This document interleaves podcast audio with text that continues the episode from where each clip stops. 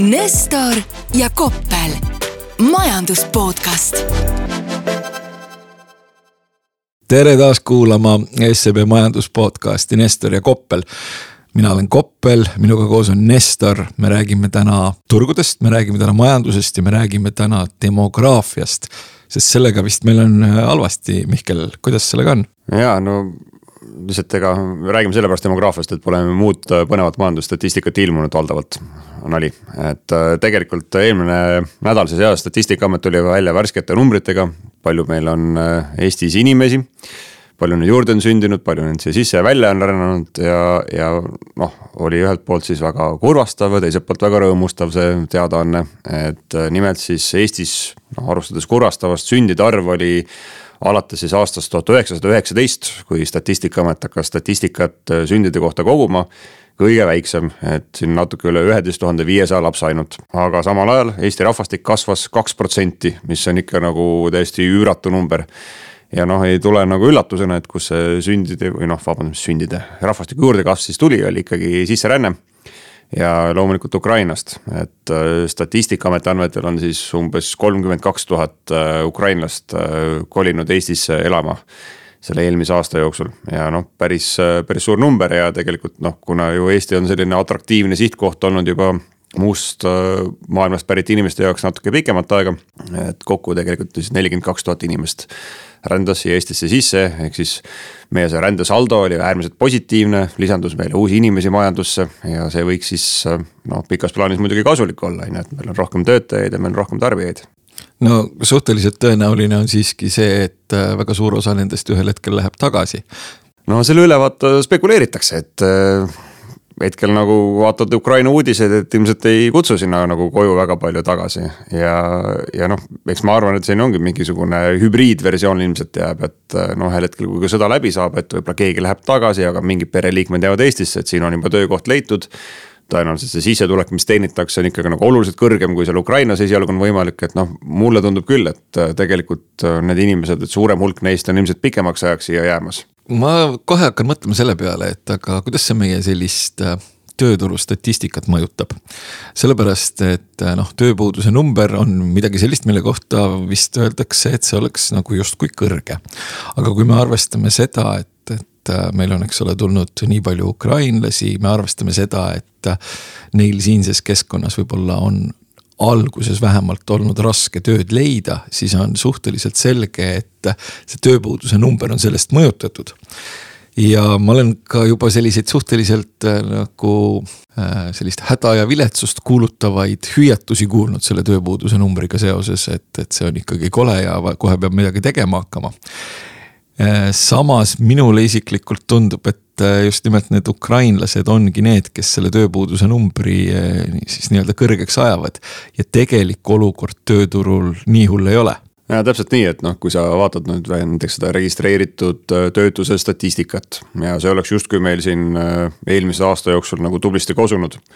ja, aga see töötukassa peab ka eraldi arvestust siis ütleme siis selle rahvusvahelise kaitse saajate kohta, kes siis valdavalt on ukrainlased olnud ja, ja tegelikult ongi täpselt see, et see juurdekasv on olnud nagu peaaegu puhtalt äh, selle arvelt, et meil on nagu siis kolmandatest riikidest inimesi juurde tulnud, ehk siis ennekõike ukrainlased ja, ja eestlaste enda nagu töötus on äh, väga vähe kasvanud. aga noh, selle juures ma ei taha kuidagi öelda, on ju, et ukrainlased on nagu töötuks jäänud, et äh, jumala eest, siin äh, pooled Tallinna taksojuhid ja Woldi kullerid on minu meelest juba Ukraina nimedega. et tegelikult see ukrainlaste tööle rakendumine on olnud ikkagi üllatavalt kõrge, et minu meelest noh, ma statistikat peast ei tea praegu, aga aga see on ületanud ootuseid ja, ja noh, ma arvan, et see on olnud selline noh, üks parim aeg ka, millal nad oleksid saanud siia nagu tööturule rakenduda. et eelmisel aastal ju Eestis vabade töökohtade arv jälle üle väga pika aja üks kõige kõrgemaid numbreid. ja noh, mida aasta edasi, seda rohkem mulle tundub, et ongi mingisugused töökohad, mida nagu eestlastega enam pole võimalik täita ja ainus viis on siis kuskilt teistest riikidest sinna inimesi leida jah, ja selles mõttes, et äh, mulle tundub ka, et nad on suhteliselt tublid, sellepärast et mul on juba paar kogemust, kus äh, teenindussektoris on äh, noh, näha kedagi, kes on, tundub justkui ilmselgelt ukrainlane ja juba tasakesti räägib eesti keelt ja võib-olla isegi viskab väikese nalja, nii et see on ikkagi aastaga või vähem kui aastaga suhteliselt, suhteliselt suur saavutus. aga kui me selle demograafia juurde tagasi tuleme, siis noh, üldiselt see pilt ikkagi selles mõttes väga hea ei ole, sellepärast et noh, kui vahepeal ikkagi laste saamine ära unustati, see tähendab rahvastiku vananemist ja see tähendab seda, et meil ikkagi see struktuurne tööjõupuudus võiks olla ju probleem ka edaspidi. ja see võiks ikkagi ka tekitada olukorra, kus meil ikkagi just nimelt äh, vananemise tõttu päris suur ports iga aasta sellises nii-öelda töötajaid tööturult äh, lahkub no eks ta teeb muidugi kõigi elu raskemaks, ütleme, et paarkümmend aastat tagasi, ütleme, Koppel oleks ennast juba neljakümne kuue aastasena tõenäoliselt surnuks joonud, sest et see oli tollal nagu tavaks, nüüd ta peab nüüd siin viisakalt istuma minuga ja nagu podcast'i tegema, et seetõttu nagu muidugi, et tööd peab rohkem tegema ja kõrgema vanuseni. aga noh, suures plaanis ma arvan, et see nagu Eesti situatsioon, et meil on ka võib-olla nagu vara täna seda hinnata veel, et mis siin nagu päriselt juhtuma hakkab, et noh tegelikult Eesti rahvastikuprognoos on suhteliselt nagu jõuliselt ümber tehtud, et noh, seda ei ennustanud näiteks keegi, et siit hakkavad Soome, Soomest nagu eestlased tagasi Eestisse kolima. mis on noh, ka olnud siin viimastel aastatel üks peamiseid põhjuseid, miks meil see sisseränne on suurenenud. aga nojah, suures plaanis jah, et see, ka see rahvastik vananeb, aga eks see, eks see töö ka muutub, on ju oota, sa ütled, et äh, keegi ei ennustanud seda, mina tean küll vähemalt kahte inimest. Äh, üks olid sina, teine olid mina, kes rääkisime mingisugust, mingisugustel hetkedel mingist toredast konvergentsist ja sellest, kuidas inimesed ühel hetkel tagasi tulevad, sellepärast et see sissetuleku vahe enam nii suur ei ole jah, aga ma mõtlen, kui vaadata neid Eesti ametlikke rahvastikuprognoose, minu meelest seal nagu seda arvesse ei võetud, et äh, kui ma vaatan nagu neid minevikus tehtud prognoose, need on kõik ikkagi olnud nagu palju pessimistlikumad Eesti rahvaarvu suhtes, kui siis see tegelik tänane olukord, et noh, meil ongi praktiliselt kümme aastat nüüd olnud ju suurenev rahvaarv, et äh, seda siin küll nagu ette ei nähtud veel ütleme kümme aastat tagasi. jah, ja seda tagasitulemist ilmselt ka mitte, et äh, see on selline, see on võib-olla liiga selline teoreetiline majandus Äh, majanduskontseptsioon, et ühel hetkel ikkagi sa saad aru, et äh, kui sa elad kuskil mujal ja sa teenid palju. ja siis sul on mingisugune selline ükskõiksus äh, marginaal seal vahel, et põhimõtteliselt sa tuled koju tagasi ka siis, kui sa siin teenid veidi vähem. aga noh, ütleme, et ühel hetkel jõuab see siin nii-öelda veidikene rohkem teenimine kätte ja tullakse, tullaksegi tagasi ja on tõesti kuulda olnud, et tullakse tagasi ja tullakse tagasi päris hea meelega. ja, ja, ja noh, lõpuks on kõik tagasi tulnud ja hakkavad veel tulema teistest riikidest Eestisse ja Eesti rahvaarv ületab kümme miljonit. vaevalt aga, aga mis on nagu veel selle rände juures nagu ma tahaks ka veel nagu ära mainida, et noh, me oleme siin palju rääkinud sellest, et noh, tuleb kuhugi siis äh, mingi teenindussektorisse tegema seda rasket ränka tööd siin oma vokiga läbi Tallinna lume sutkuma Peeterile pitsat tooma keegi, et äh, noh. salatit, salatit tuleb süüa. No seda on kergem tuua jah, pitsa on raskem natuke läbi lume lükata. aga tegelikult on ju ka sellist äh, väga kõrgepalgalist tööjõudu Eestisse viimastel aastatel kõvasti juurde tulnud tänu sellele IT startup maastiku arengule. Ja noh mis on ka minu jaoks nagu põnev, et olles võib-olla kuulnud mingeid lugusid sellest valdkonnast, on see, et nagu neil on täiesti ükskõik, et äh, nad tulid Eestisse, nad oleksid võinud minna ka Hispaaniasse, Ameerikasse, kuhu iganes aga tuldi sellepärast, et noh, põnev ettevõte ja nagu äge töökoht, et tahaks selle asja nagu endale CV-sse saada. no mina olen jälle sellistelt äh, tegelastelt suhteliselt otse kuulnud, et nad ei suutnud uskuda seda, et esiteks on kogu aeg pime. teiseks, et toidul ei ole peaaegu mingisugust maitset ja kolmandaks, et see toit on nii kohutavalt kallis. no vot, elavad üle, ma arvan, et kui, kui saavad siin äh, mingisuguse toreda töökogemuse endale kirja ja, ja noh, ma arvan, et ka see on üks põhjus, miks meil siin Tallinnas see eluolu on ka nagu teenindussfääris võib-olla kiiresti edasi läinud, et sellist äh, kõrgelt teenivat äh, seltskonda on nagu tööturule kõvasti juurde tulnud, et noh, siukseid ametikohti, mida kümme aastat tagasi oli näputäis, nüüd on ikkagi nagu tuhandetes. ja eks need kalamaja kohvikud oma nelja eurose lattega sellest võidavad ma kardan, et nüüd on juba rohkem kui neli eurot. ja kusjuures sellisele immigratsioonile, kus tulevad äh, haritud inimesed, kes saavad äh, kõrget palka. selle vastu ilmselt ei ole isegi need, kes muidu immigratsiooni peale nagu väga, väga, väga kurjalt vaatavad. oh jumal, kindlasti on, pärast seda saadet kindlasti kontrolli oma seda Facebooki message request'e, et seal on sul kindlasti keegi midagi selle kohta öelnud juba, et sa nii väitsid oi jah, selles mõttes, et see on alati kõrge meelelahutusliku väärtusega koht, mida vaadata, eriti kui siis, kui mingi avalik esinemine kuskil on olnud aga kui nüüd äh, teemasse mingisugune pööre tuua, siis äh, noh, me oleme siin äh, sinuga natuke nagu maid jaganud, et mina olen tahtnud olla optimist ja sina tahtnud olla pessimist. aga nüüd ma lugesin just värsket Financial Timesi ja seal ikkagi on ka ütleme siis euroala suunas vähemalt analüütikud muutunud valdavalt natuke optimistlikumaks, et enam ei ennusta siin majanduslangust. vaid sihukest marginaalset majanduskasvu, et siin näiteks Consensus Economics'i selline kus mina ka osalen muidu mingisuguste analüütikute paneel et iga kuu siis küsitakse, et mis te siis eh, majanduskasvuks, languseks prognoosite, et seal on sihuke marginaalne tõus tulnud, et nina on jälle vee peal, et kas, eh, kas on nagu sinust suutnud ka siis sellist natuke optimismi ärgitada või? No kui, kui sa ütled mulle selline asi nagu konsensus, siis äh, turgude inimesena mul hakkab aju alati natukene valutama. sellepärast, et see on selline sea ja käo aritmeetiline keskmine aeg-ajalt. ja konsensus kipub olema asi, mis äh, noh, enamustel kordadel vähemalt turgude kontekstis eksib päris äh, korralikult ja selle selline informatiivne väärtus eksisteerib ainult selliste inimeste jaoks, kelle kogemus on veel suhteliselt nigel, aga kui sa küsid, et kas ma olen veidikene optimistlikum, siis ma olen veidikene optimistlikum äh, sellepärast, et äh, on Euroopas juhtunud kaks asja. esiteks, ilm on olnud oodatust soojem, selle peale loomulikult äh, saaks hakata rääkima sellest, et miks see ilm on oodatust soojem olnud ja kui halb see on, et ilm nüüd ikkagi kuskil oodatust soojem on ja mis me kõik tegema peame aga see selleks, kui me võtame lühiajaliselt, siis ilm on oodat-, olnud oodatust soojem, see tähendab seda, et energiat kulub soojendamiseks vähem. teine asi, mis on juhtunud, on see, et turumajandus ikkagi toimib. ehk kui äh, mingisuguse ressursi, antud juhul gaasi hind läheb nii jõuliselt ülesse.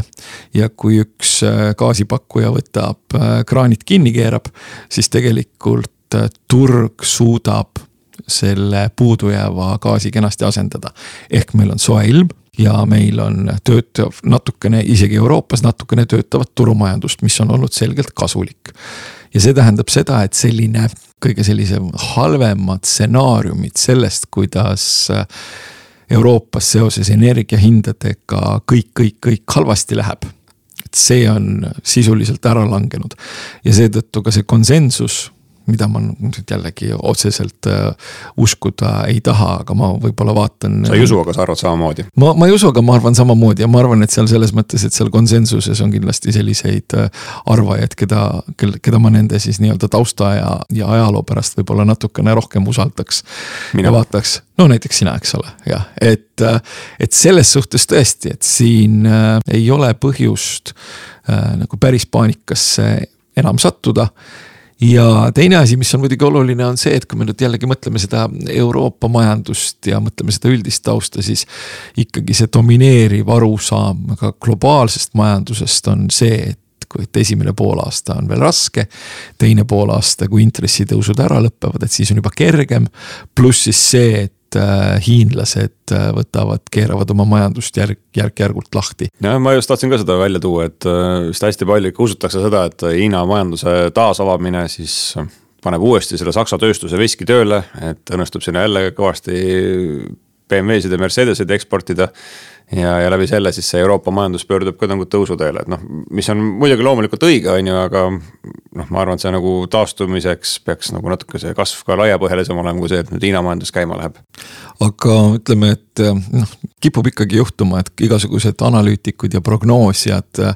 noh, neil ei pruugi pikaajaliste prognoosidega väga tihti eriti hästi minna. ja ka no, lühiajalistega. ja ka lühiajalistega, aga on, on olemas üks selline tõepoolest fantastiline jutumärkides majandusanalüütik äh, kelle kaldkriips, mille võimekus nagu tsüklit ja tsüklifaasi ette prognoosida on ajalooliselt olnud suhteliselt hea. ära jumala eest hakka nüüd Nuriel Rubinist rääkima mulle. ma ei hakka rääkima Nuriel Rubinist, et Nuriel Rubini on ka muidugi fantastiline mees, Nuriel Rubini on ennustanud kaheksat viimasest kahest majanduslangusest. no vot, ma just kartsingi, et äkki sa usud teda siis noh, jah, selles mõttes, et ma võib-olla küll nagu mm, kaldun kohati nagu mingisugusele pessimismile, mida ma ise realistiks nimetan, aga kui ma ütlen sulle, et on ük, üks selline nagu tõeline. ja vabandust, ma eksitasin, et jätka jah. see, et, et sul on, et on üks selline fantastiline, et noh, majandusteaduste doktor jutumärkides. kes suudab jube hästi tsüklit ette, ette ennustada, et kas, kas sa pakud, kes või mis see olla võiks? mul tulevad igast hirmsad nimed seal meelde, aga kõik sinu lemmikud Paul Krugmaniga loota see? absoluutselt mitte, see on palju lihtsam see ei ole tegelikult kes, vaid see on mis ja see on vask. vasega on nimelt selline lugu, et äh, kui majandus kasvab, siis läheb vaske vaja ja milleks vaske vaja läheb, vaske läheb vaja selleks, et kui majandus kasvab, siis on vaja energiat äh, toimetada uutesse huvitavatesse kohtadesse. ja see tähendab seda, et see tuleb kaabliks teha ja siis põhimõtteliselt äh, maasse kaevata ja hakata sedamööda elektrit transportima, kui nii võib öelda ja Vasega on nüüd selline lugu, et ainuüksi sellel aastal vask on äh, kerkinud kaksteist protsenti. ja no ütleme, see, see tõusugraafik, mis tal siis nii-öelda sellest põhjast on kuskil sealt eelmise, eelmisel sügisel. see on päris äh, muljetavaldav. jah, kui võtta aasta lõikes, siis tõepoolest dollaris äh, mingisugune, ma ei tea, kas ta on võib-olla veel kolm prosa miinuses. võtame dollari kursi äh, sellise õnnetuse ka, et kui sa nagu invest-, investeerisid valel ajal, siis sa oled suhteliselt õnnetus olukorras. aga nagu tsükli mõistes ja selle, selle mõistes, et mis võiks edasi saada milline võiks olla see nii-öelda tsükli kuju ja see tsükli faas, kuhu, kuhu me liigume, siis Vask annab selgelt päris optimistliku signaali ja kui vask annab optimistliku signaali, see tähendab seda, et ka teised tööstuslikud metallid lähevad ülesse. aga sellel on äh, loomulikult äh, noh. ja siis teatud... tuleb inflatsioon tagasi. ja siis tuleb inflatsioon tagasi, aga sellel on muidugi taust ka, et noh, me siin Hiinat mainisime. ilmselt äh, ma pakun, et sa tead suisa peast, et kui palju tööstuslike metallide nõudlusest Hiinast pärineb kuna sa just ütlesid mulle seda ennem saadet, siis ma ütlen, mul endiselt meeles, et see oli kuuskümmend protsenti. ma kardan, et sa teadsid seda enne ka ise, nii et mina arvasin, et see on ka kuskil võib-olla kahe kolmandiku lähedal ja noh, on kahest kolmandikust veidikene, veidikene väiksem. ehk see Hiina on ikkagi osutumas selliseks väga-väga tähtsaks Äh, selliseks selle aasta tsükli äh, mõjutajaks. aga kui teha nagu tagasipõige veel Euroopasse, siis äh, noh, hoolimata siis sellest, et analüütikud siin on justkui nagu natuke optimistlikumaks muutunud, siis proua Lagarde Euroopa Keskpangas on ikkagi, tundub väga jõuline endiselt, et ähvardab, et turud on teda valesti mõistnud ja ärge nüüd arvakegi, et see intressimäär nii madalaks jääb, et tema kavatseb seda veel edasi tõsta. aga noh, minul tekitas see muidugi sihukese kahetse tunde, et kas ta siis päriselt kavatseb seda edasi tõsta. või see on selline nagu ähvardus, et kust on siis äh, võimalik nagu tagasi rullida ja öelda, et inflatsioon on juba kontrolli alla saadud, et tulemused on paremad, kui ootasime ja anda siis selline positiivne äh, fanfaar, et äh, võite alustada, hakata taas majandust kasvatama noh, selle keskpanga kommunikatsiooniga on, on tõesti nii nagu on, et ma just äh, nädalavahetusel selliste, sellistele veidi vanematele üliõpilastele, mõni vist isegi oli suisa minuvanune, seletasin, et noh, et keskpanga. rahvaülikoolis käisid jah? ei olnud Rahvaülikool, see oli Executive MBA, kõlab hästi, on ju, et äh, seletasin. rahvaülikooli oma ju ei kõlaks, aga, aga okei okay,, jätka palun no Rahvaülikoolis ilmselt äh, ei viitsitaks minusugust kuulata aga ma just üritasin seletada seda keskpanga kommunikatsiooni, et, et, et üldiselt, kui noh, mina ja sina istume üle laua, on ju. ja räägime millestki läbi, siis üldiselt äh, minu läbirääkimise positsioon on parem, kui mul on üheksa millimeetrine relv sahtlis. ja minu kommunikatsiooni või sellise läbirääkimise positsioon on seda parem kui ma sulle seda meelde tuletan, ma ei pruugi seda sealt sahtlist mitte kunagi välja võtta. Äh, ma ei pruugi seda mitte kunagi ka kasutada, aga see, et mul see seal olemas on, parandab minu sellist nii-öelda läbirääkimise äh, positsiooni ja kommunikatsiooni efektiivsust. ja kui ma siis sinuga läbi räägin ja sa vahepeal nagu näid äh, ära unustavat, et mul on see seal sahtlis. siis aeg-ajalt võib-olla tuleb sulle seda niimoodi viisakalt meenutada ja ma arvan, et Christine Lagarde umbes seda ka tegi et ta lihtsalt meenutas, et, et kuulge, et kui te nagu liiga palju ette kujutate ja arvate, et me siin äh, nagu nalja teeme, siis meil ikkagi on see üheksa millimeetrine seal, seal, seal sahtlis. mis puudutab nüüd ütleme seda, et, et kuhu, et kas ja kuidas ja kuhu need intressimäärad nagu Euroopas liikuda võiks, siis noh. seda me oleme ju arutanud äh, sinuga ka siin korduvalt, et, et puhttehniliselt peaks olema keskpanga suunav intressimäär nagu tarbijahinnaindeksist kõrgem, seda vähemalt mingi kolm kvartalit selleks, et inflatsioon Äh, korralikult nagu ära summutada, aga noh, sellist asja loomulikult ei tule. ja, ja kuna inflatsioonimäärad on ikkagi suhteliselt kõrged euroalal, siis ei ole tegelikult äh, ka intresside tõstmine niivõrd probleem, sellepärast et noh, reaalintressid on ikkagi need asjad, mis on tähtsad ma muidugi täna hommikul ei ole seda Euribori futuure vaadanud, aga mulle tundub, et nagu turg ikkagi endiselt ei taha hästi siis vaatamata ähvardustele seda uskuda, et äh, me intressimääradega kuhugi sinna peaksime jõudma, kus me, kus me hetkel veel ei arva, et nad jõuavad turg jah, tõepoolest ei taha kaubelda mm, nii-öelda sellise natukene negatiivsema nägemusega. aga Ühendriikides kusjuures äh, jällegi tahab, see siis tähendab seda, et, et kipub äh, üha rohkem äh, tekkima sellist arusaama, et, et intresside tipp jääb kuskile sinna viie, viie koma ühe juurde see saavutatakse kuskil aasta keskel.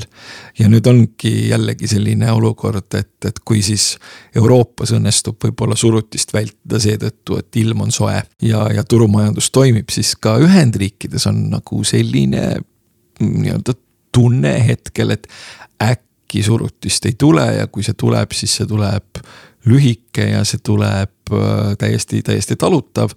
ja aasta kokkuvõttes võib-olla asjad eriti halvad ei olegi ja siin on äh, siis jõutud ka selleni, et kui me mõtleme näiteks aktsiaturu mm, kontekstile, siis mida meile raamatutarkus ütleb, meile ütleb raamatutarkus äh, seda, et aktsiad hakkavad tõusma kuus kuni üheksa kuud enne seda, kui võib-olla kasumites on see kõige halvem hetk käes. Ja noh, tegelikult äh, kasumites mina pakun, et veel hetkel kõige halvem hetk käes ei ole, aga sellist heas mõttes närvilisust seal aktsiate osas ikkagi veidikene kipub olema.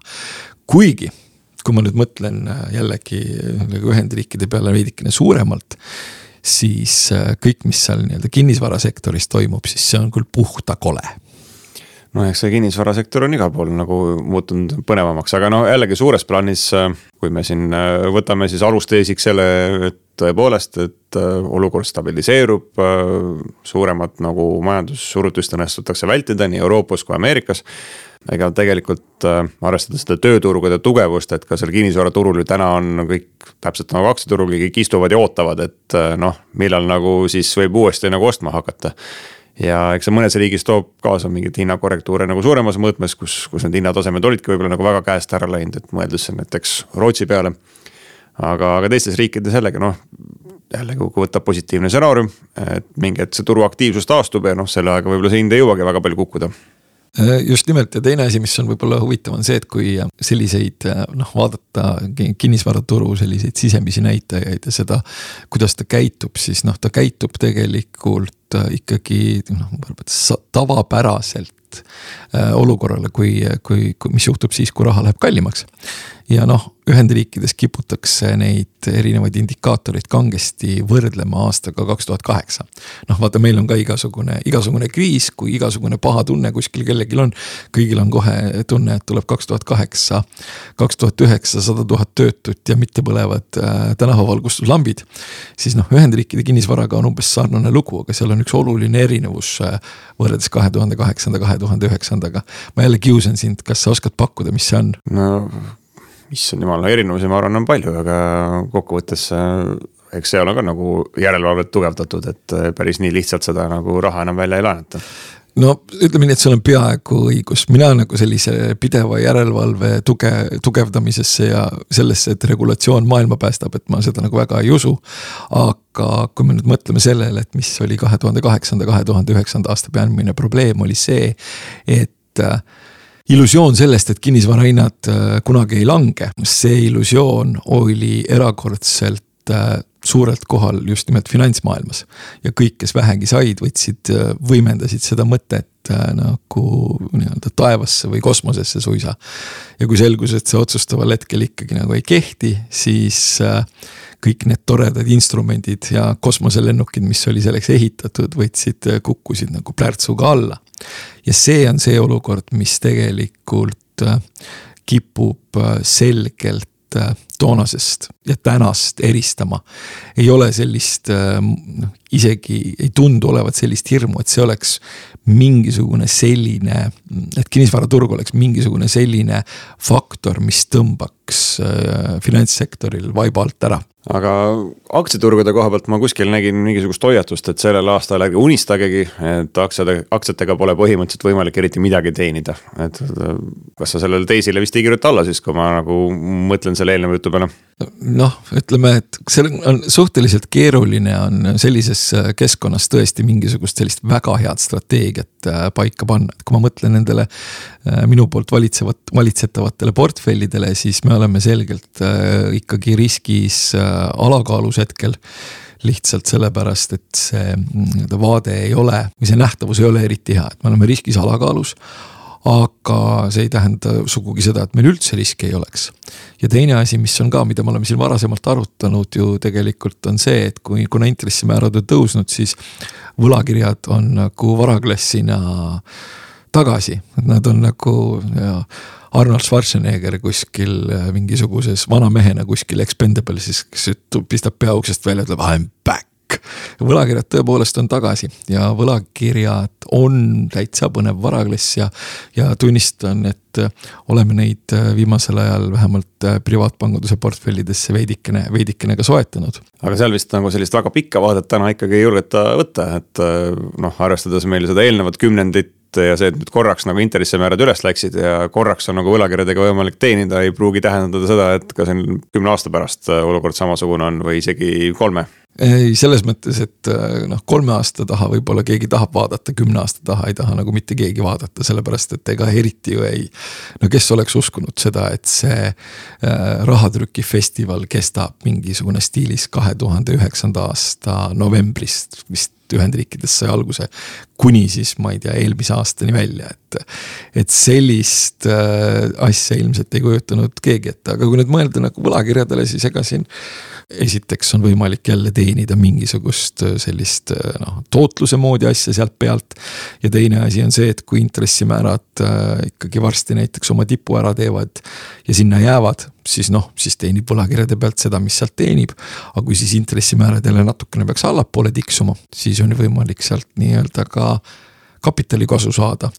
nii et noh, kui sa mulle presenteerid sellise mõtte, et aktsiatega sellel aastal ei ole võimalik Äh, teenida, siis noh, ma peaaegu tahaks sinuga nõus olla, aga päris ikka ei ole.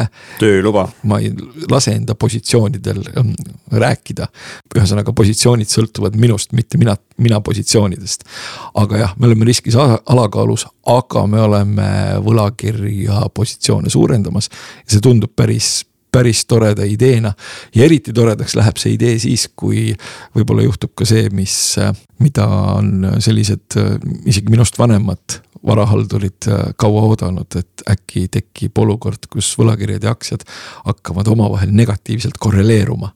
ja siis on võimalik erinevaid nii-öelda tasakaalustatud strateegiaid rakendada ja tunda ennast päris hästi no mina hakkasin selle peale kohe mõtlema, et meil siin noh, hetkel veel vähemalt, kui need intressimäärad madalad olid, et meil oli ka siin kohalik kapital hakkas aina rohkem huvi tundma selle vastu, et emiteerida mingisuguseid äh, võlakirjasid, kuna noh, see intressimäär oli ikkagi läinud nii madalaks, et see tundus juba ahvatlev, et noh, nüüd on vist olukord nagu vastupidine, et ma ei, ma ei kujuta ette, et kui siin keegi nüüd mingi väikses mahus nagu võlakirju soovib emiteerida ja, ja sinu klientidele pakkuda, et siis me näeme ilmselt juba kahekohalisi nagu intressimäärasid seal, jah. no ütleme nii, et sellel on suhteliselt ähm, selge tehniline loogika taga, et kui me mõtleme mingisugustele emissioonidele, mis toimusid olukorras, kus äh, oli ju teatavasti meil siin riskivaba tulumäär oli noh võib-olla on veidi üle nulli oli. aga millega meil Eesti Vabariik võttis viimati võlgu neljaga, turul vist on, kaupleb hetkel see võlakiri mingi kolme poolega või veidikene üle. see tähendab seda, et meil on riskivaba tulumäär circa neli, mis tähendab, et kui keegi võttis, emiteeris, ma ei tea, viiega. siis kui riskivaba tulumäär oli äh, circa null, siis noh, neli pluss viis, siis nüüd ta peab maksma selle raha eest üheksa see, ma, ma kujutan ette, kuidas kõik võlakirja inimesed võtavad, äh, sooviksid minuga pikemalt vestelda, kui ma sellise asja välja käin. aga noh, see on selline raamatu loogika no aga meil hakkab aeg ümber tiksuma, et kui siit kuidagi nagu positiivset asja kokku võtta, et siis intressimäärad on muutunud kõrgemaks ja tänu sellele rikkad saavad jälle rikkamaks ja elu läheb tänu sellele paremaks. kusjuures äh, uskuge või mitte, aga mm, üldise elu paranemise seisukohalt on suhteliselt oluline see, et läheks rikkad rikkamaks. aga meie, aga meie olime Nestor ja Koppel ja varsti jälle. Nestor ja Koppel, majandus podcast